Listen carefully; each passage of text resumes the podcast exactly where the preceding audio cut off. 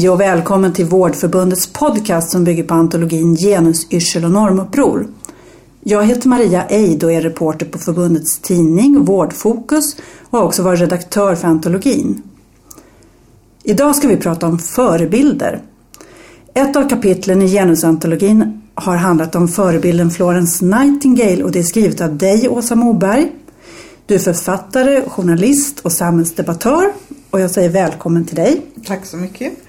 Vi har också bjudit in Eva Nordlund, barnmorska på Karolinska i Huddinge på förlossningen, förtroendevald, vice ordförande i Barnmorskeförbundet och också initiativtagare till Barnmorskeupproret. Välkommen säger jag till dig också. Tack så mycket.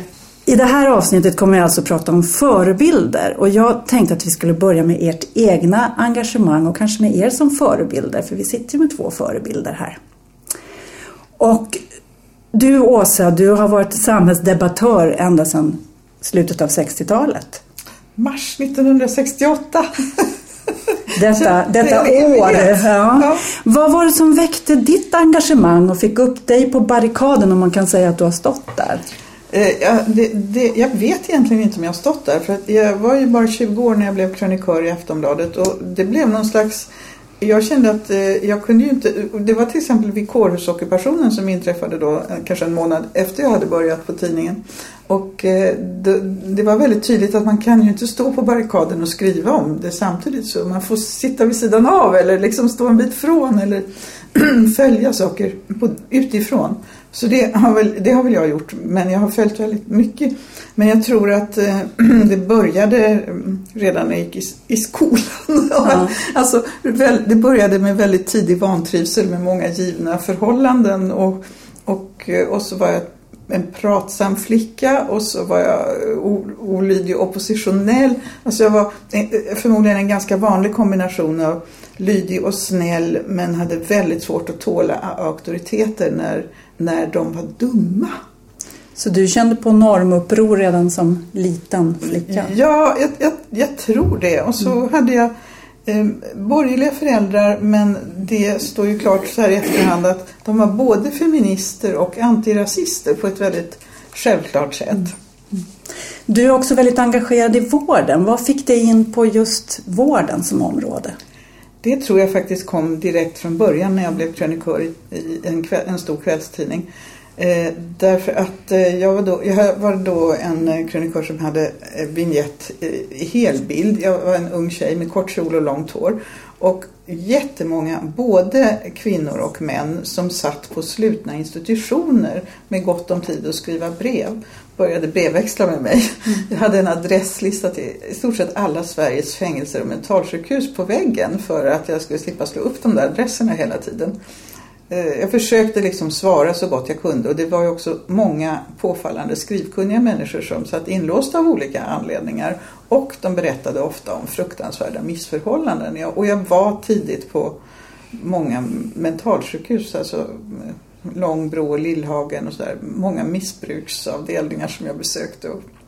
Så från början var det nästan vården som hittade dig och du blev gripen av ja, det du fick berättat säga. för dig. Mm. Eva, du är då initiativtagare och talesperson för barnmorskeupproret i Stockholm. Vad var det som väckte ditt och ert engagemang? Ja, jag kan ju känna igen mig lite i det du berättar delvis. Jag jobbar ju på en förlossningsavdelning, en stor förlossningsavdelning i Stockholm. Och eh, vi har hand om hela världens eh, kvinnor där som kommer och föder barn. Vi möter människor som saknar papper, vi möter psykiskt sjuka, vi möter människor med allehanda problematik och så som vården är utformad idag med den bemanning som vi har och det sätt vi tvingas jobba under så är det svårt att ge en värdig och god vård. Det var liksom en sak att vi var vana att slå knut på oss själva och ha dåliga löner och arbetsvillkor som är eh, bitvis omänskliga. Eh, när vi inte ens hinner springa på toaletten och, och, och käka lunch. Liksom. Men, men sen när man också känner att vården inte heller blir bra, då nådde vi faktiskt en gräns. Och när den gränsen var nådd, då hade den nog varit nådd för väldigt länge sedan. Det var det jag försökte säga med det här långa resonemanget, att vi är så himla tåliga och lojala. Det Eh, finns gränser. Det fanns gränser men den gränsen tog det lång tid att nå och till slut gjorde vi det på, på sjukhuset där jag arbetade och då Ehm, hade jag ju jobbat ganska länge som förtroendevald för Vårdförbundet och suttit och tröskat i, i de normala sammanhangen och vi hade gjort allt man kunde göra. Vi hade anmält arbetsplatsen, vi hade liksom jobbat på på olika vis men eh, vi kom liksom inte vidare. Vi behövde göra något ännu kraftfullare och då bestämde vi oss för att börja samla oss i Stockholm, alla barnmorskor, eh, ta kontakt med andra kollegor på sjukhus och bli starka tillsammans. Och det var där det startade. Det här engagemanget och det här upproret och den styrkan som ni visar tillsammans. Har det givit resultat? Har det hänt något? Ehm, det är en otroligt stor fråga. Därför att det är klart att, att det har gett resultat. Vi har ju, för det första lyckades vi ju synas överhuvudtaget. Det blev ett herrans liv när vi tillsammans till slut gick ut gemensamt, barnmorskorna i Stockholm och sa det här är inte okej vård. Vi kan inte jobba på det här sättet. Vi bedriver inte helt patientsäker vård. Och eh, då blev det ju enormt mycket liv om det och det var ganska många som talade om för oss att vi hade fel en period. Eh, vi trappade ju upp, vi hade ju massa tekniker och metoder och gjorde på olika vis för att eh, inte ge upp. Vi såg till att vi hördes och syntes. Och till slut så började man ju lyssna på oss och vi fick ju liksom tillträde till alla politiska partier och fick säga våran sak och prata med dem. Och det är klart att det har hänt saker. Man satte igång en stor utredning kring kvinnosjukvården i Stockholm som alldeles snart är klar där man faktiskt har tittat på förlossningsvården, hur den fungerar. Man har tillsatt en till barnmorska i ett viktigt råd där man ger Eh, rådgivning till politiker och beställare. Ehm, vi har mobiliserat varandra, vi har börjat prata vård. Vad är liksom en värdig vård? Vad är det att föda barn? Vad är att vara kvinna? Vi har fördjupat oss. Eh, vi skruvar tillbaks klockan 100-150 år i tiden. För ett av kapitlen i boken handlar om Florence Nightingale och det har ju du skrivit, Åsa. Eh, är hon en förebild och är hon det fortfarande i så fall? Eh, hon borde vara det om, om någon frågar mig. Alltså, min bok heter Hon var ingen Florence Nightingale, människan bakom myten. Och det var ju för att det enda, den enda gång man hörde hennes namn, det var i det uttrycket. Hon är ingen Florence Nightingale.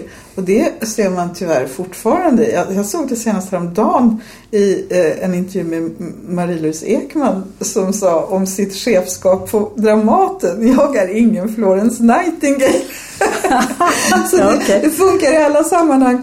Men det, är ju, det blir ju så helt fel. Därför att jag, skulle, jag känner Marie-Louise Ekman sedan vår ungdom när vi umgicks ganska mycket. Och jag tror just att hon faktiskt är en Florence Nightingale. Alltså en kvinna som tänker helt okonventionellt och som ser att för att en arbetsplats ska fungera så måste man även ta hänsyn till att man kan inte bara gå på budgeten utan man måste gå på att det är människor som arbetar här och om vi inte får de människorna att trivas så funkar inget annat heller. För hon, det här med kall, det är verkligen en förenkling av vad hon står för. För du skriver ju om, om att hon ser på lönen som något ytterst viktigt. Vad, vad alltså, säger hon? Det är, ju, det är ju den här eh, centrala frågan som vi har väldigt svårt att ta till oss. Att mm, I mitten av 1800-talet så fanns det inget sätt för en kvinna att försörja sig själv. Det, var, alltså, det här var så långt före pigdebatten så att den kvinnliga delen av mänskligheten var ju tudelad. Antingen hade man piga eller så var man piga och däremellan fanns det ingenting. Jo, det fanns möjligen då prostitutionen. Men, men den enda anständiga försörjningsvägen var äktenskapet. Och utbild, all, eftersom alla utbildningar var stängda för kvinnor så var det ju inte tal om att till exempel utbilda sig till sjuksköterska eller lärarinna. Lärarinna var ett anständigt yrke men det fanns ju så lite skolor så det var ju liksom väldigt liten sysselsättning där. Och sjuksköterska var eh, en form av prostitution. Därför, det fanns inga sjukhus, det fanns fattigvårds anstalter och de var alkoholdränkta på alla nivåer eh, och de var livsfarliga eftersom de var smittspridningsställen. Så att Florence Nightingale tog som sin mission i livet att skapa ett anständigt sjuksköterskeyrke. Det skulle inom ramen för den protestantiska kyrkan ge samma vård som nunnorna hade, länge hade gett inom ramen för den katolska kyrkan. Och, och, det var ju något helt revolutionerande för den tiden. Och historiskt är det ju otroligt intressant hur hon lyckades göra sig gällande. Och nu när hennes samlade verk har kommit ut, som det skedde på 2000, alltså nu på, i vårt år, århundrade, så är de 16 band med, på mellan 600 och 1000 sidor. Jag menar man behöver inte alls vara barnmorska för att tycka att den är helt fantastisk läsning alltså. Men, men eh, för barnmorskor måste det ju verkligen vara det. Håller du med om det Eva? Absolut. Du har läst den? Nej, det har jag inte. Nej. Men, men, uh, ja. du, har du något förhållande till eller är Florence Nightingale en, en le, levande förebild bland barnmorskor och sjuksköterskor? Skulle um, du säga? Ja, för mig personligen i alla fall så är det faktiskt så att hon fick en, en väldigt stark, blev en stark förebild för mig när jag gick på Sofiahemmets högskola och läste upp min examen. Och eh, hade vi ett historiskt avsnitt där och jag blev otroligt gripen av det avsnittet när jag just fördjupade mig i Florence Nightingale och förstod det här att det är helt obegripligt hur hon har kunnat användas på det sättet. För det var ju en jättestark kvinna som var kompetent och som drev på massa saker, samlade statistik. Hon var ju en föregångare så för mig är det också helt oförståeligt för hon är en stark förebild. Mm. Som har blivit Men, förminskad genom ja, historien? Det är nästan en underdrift att hon har blivit förminskad. Mm. För... Hon har blivit förtalad. Ja, och, till och med det. Ja, och man kan säga att faktiskt det är så att den aktiva förtalskampanjen den pågår fortfarande. Mm. Och det, Lynn McDonald som är redaktör för de här samlade verksutgåvorna och hon uh, följer den kontinuerligt så, så att uh, det är bara, man kan liksom se var, det kommer ideligen attacker på mm. Florence Nightingale. Och fa, alltså rent falsk, förfalskad historisk information som sprids. Och det, det, är ju, det är ju intressant att en kvinna kan vara så stark så att det finns ett manssamhälle som 100, ja, 154 år efter hennes... Nej, 100, nej, 104 år efter hennes död är det nu. Alltså, hon dog 1910. Det är svårt att tro att... Alltså folk tror inte att hon levde så länge, men hon blev 90 år. Mm. Och det för oss över till nutid, apropå eh, manssamhälle kanske, eller mansförtryck sa du kanske. Och dagens förebilder, finns det någon som har axlat manteln så att säga. Som, har ni några levande förebilder? Ni är förebilder men har ni också, finns det fler moderna förebilder, kämpar, det, kvinnor? Alltså det gör det ju verkligen.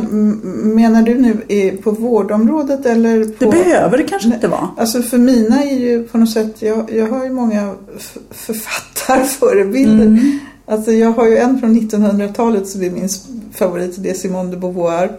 Hon men hon är också död. Ja, hon dog 86. Men, mm. Eh, men eh, hon, är, hon är absolut väldigt levande. Och sen har ju de som eh, några som står mig nära personligen och det är till exempel Märta Tikkanen och Birgitta Stenberg som har varit, och de är ju levande förebilder. På vilket och, sätt?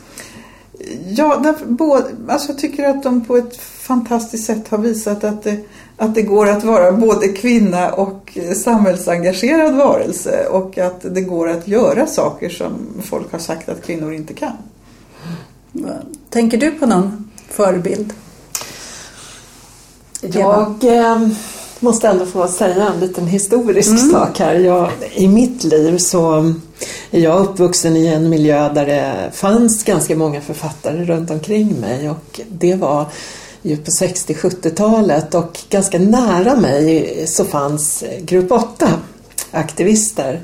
Och jag började tidigt läsa all stor feministisk litteratur som fanns. Jag låg och plöjde sådana här böcker som Erika Jong hade skrivit och det som 12-13-åring. Så att det där har funnits med mig liksom sedan modersmjölken nästan. Sen försvann ju, sen har det ju ändrat sig men jag måste nog faktiskt säga att den som är väldigt nära mig just nu och är en förebild, jag kanske inte delar alla åsikter men det är en stark förebild, det är faktiskt Gudrun Schyman just nu som bedriver eh, en väldigt ny typ av rörelse där hon är ute och far runt med sina homeparties och mobiliserar väldigt billigt eh, människor i det här landet att tänka över var vi är på väg någonstans vad det gäller rasism och feminism. Och det händer någonting i mig. Hon är en förebild för hon bryter liksom ny väg. Det måste jag få instämma i verkligen. Mm. Mm. Och när ni säger så, så, så skulle jag vilja fråga, är feminismen viktig för kvinnor inom vård och omsorg? Jätteviktig måste den ju vara. Jag arbetar inte så praktiskt inom vård och omsorg. Jag har faktiskt blivit utsedd till allmänhetens representant i Svensk sjuksköterskeförenings etiska råd. Men det är det närmaste jag kommer. Det kommer liksom ett, en arbetsuppgift i det här. Men det är klart att feminismen måste vara jätteviktig. Ja, alltså extremt skulle jag vilja säga. På vilket sätt? Vad kan feminismen göra för kvinnor inom vård och omsorg? Ja, alltså det, det handlar ju det som vi sysslar med idag, det vi har stött på när vi försöker att föra vår talan och höja vår röst och tala om, det är ju är ganska obehagliga maktstrukturer som vi stöter på eh, fortfarande fast man inte tror det. Där vi inte blir lyssnade på, där man klappar oss på huvudet, där man säger att, att eh, vi ska vara nöjda på olika sätt. Så att vi behöver ju hjälp att bryta igenom strukturer där eh, vi inte ens själva kanske förstår att vi fortfarande är fast. Och vilka rum talar om då, där ni möter de här maktstrukturerna? Eh, ja, alltså, det är ju självklart att vi kan se det i, i, våra ledningar och de som fördelar pengar och bland politiker. Men det kan ju också dyka upp, som idag i eh, Dagens Nyheter, eh, en artikel som handlar om sjuksköterskelöner i Stockholm där plötsligt en politiker uttalar sig och säger att eh, Eh, koncernen i Stockholm borde inte betala över varandra till kvinnor inom vården och det är, tycker jag är ett uttryck för makt och, och, dålig makt där vi inte ens en gång får gå runt och försöka få högre löner utan man bildar karteller. Så att jag tycker att det sker överallt. Inne i vården finns det också starka hierarkier fortfarande mellan olika professioner, tyvärr. Vi ska jobba i, i team och vi behöver jobba i team för att få bra patientsäkerhet, såklart. Men i praktiken så är det kanske inte alltid vi i omvårdnadsprofessionerna som får bestämma när det kommer till kritan. Men är det okej, okay, jag beror på beteenden, är det okej okay att vara kvinna, barnmorska och stå på barrikaden och vara arg och kämpa inte bara för de födande kvinnorna, inte bara av godsinthet mot, mot patienten utan också för sin egen rätt. Alltså det har inte varit jätteokej eftersom vi då, om man tar oss som exempel, vi barnmorskor som har slitit, inte bara här i Stockholm utan i Sverige, vi har också gjort något som man absolut inte gör som duktig flicka. Man bryter inte lojalitet. Man går inte ut och tvättar smutsig buk, byk i, i media och liksom talar om att det är faktiskt inte okej. Utan det går an att gnälla och bråka och tjata hemma liksom, inom sjukhuset. Men att verkligen försöka göra någonting åt det, det är något annat. Och det har vi stött på. Det är massa osynliga glasväggar och glastak som är svåra att komma vidare igenom. Jag, tyck, jag tyckte jag såg något intressant i, i, i en tidning, Vårdfokus, som att, att man börjar tala öppnare om löner kollegor emellan.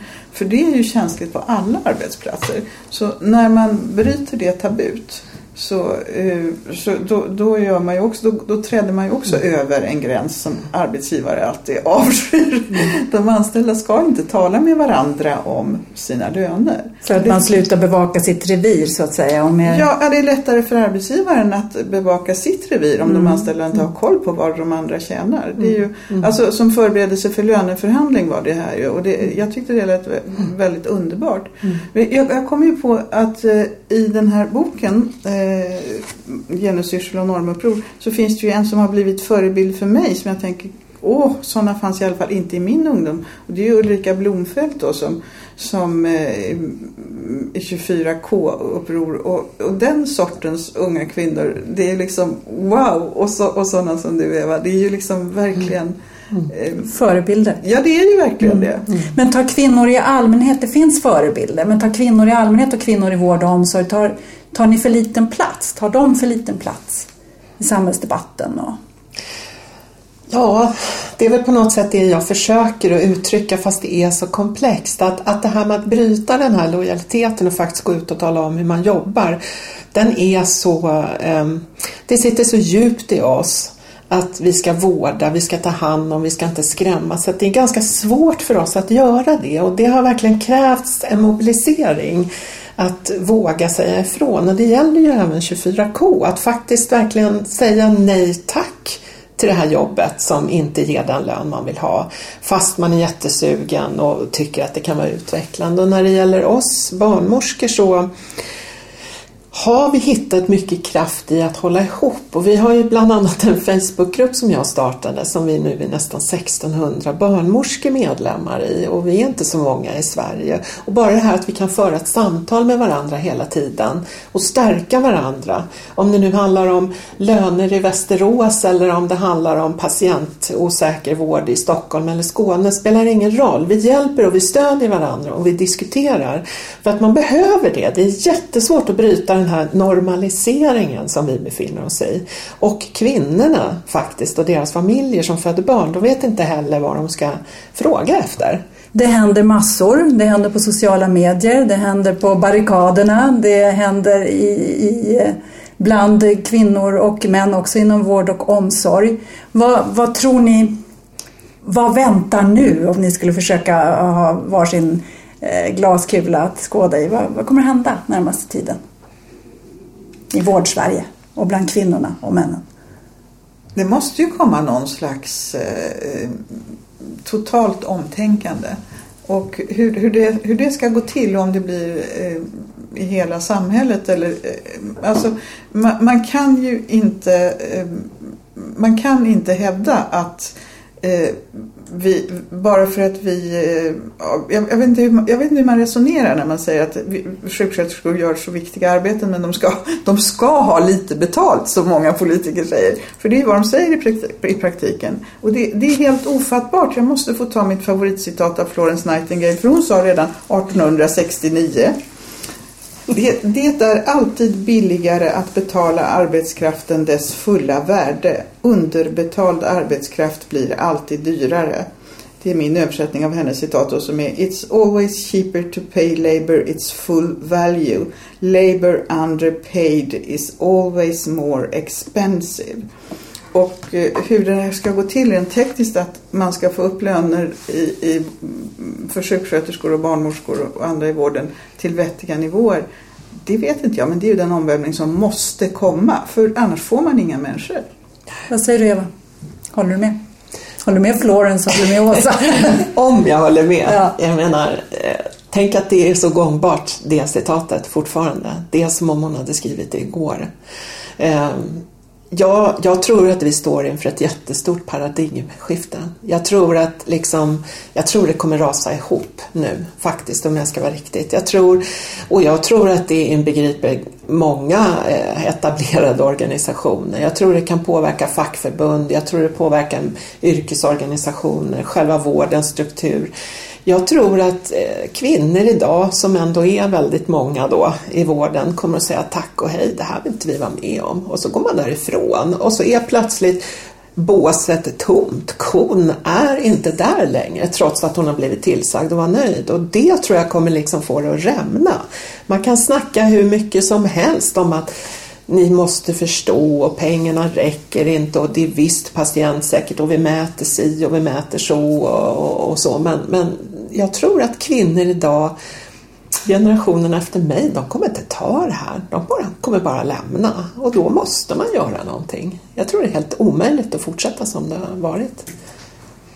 Två förebilder har givit sin syn på hur det ser ut i vår samtid. Stort tack Åsa, stort tack Eva för ett intressant samtal. Det här var sista avsnittet i den här podcastserien. Vi har pratat om normer, om chefsrollen, om mannen i vården och om självförtroendet. Alla avsnitt finns på Vårdförbundets webb på iTunes. Glöm inte heller att läsa boken Genusyrsel och normuppror som tar upp andra frågor, till exempel heteronormen, styrsystemet och vithetsnormen. Tack för att du har lyssnat. Du har lyssnat på Vårdförbundets podcast Genusyrsel och normuppror. Tidigare avsnitt och information om antologin med samma namn hittar du på vardförbundet.se genuspodden.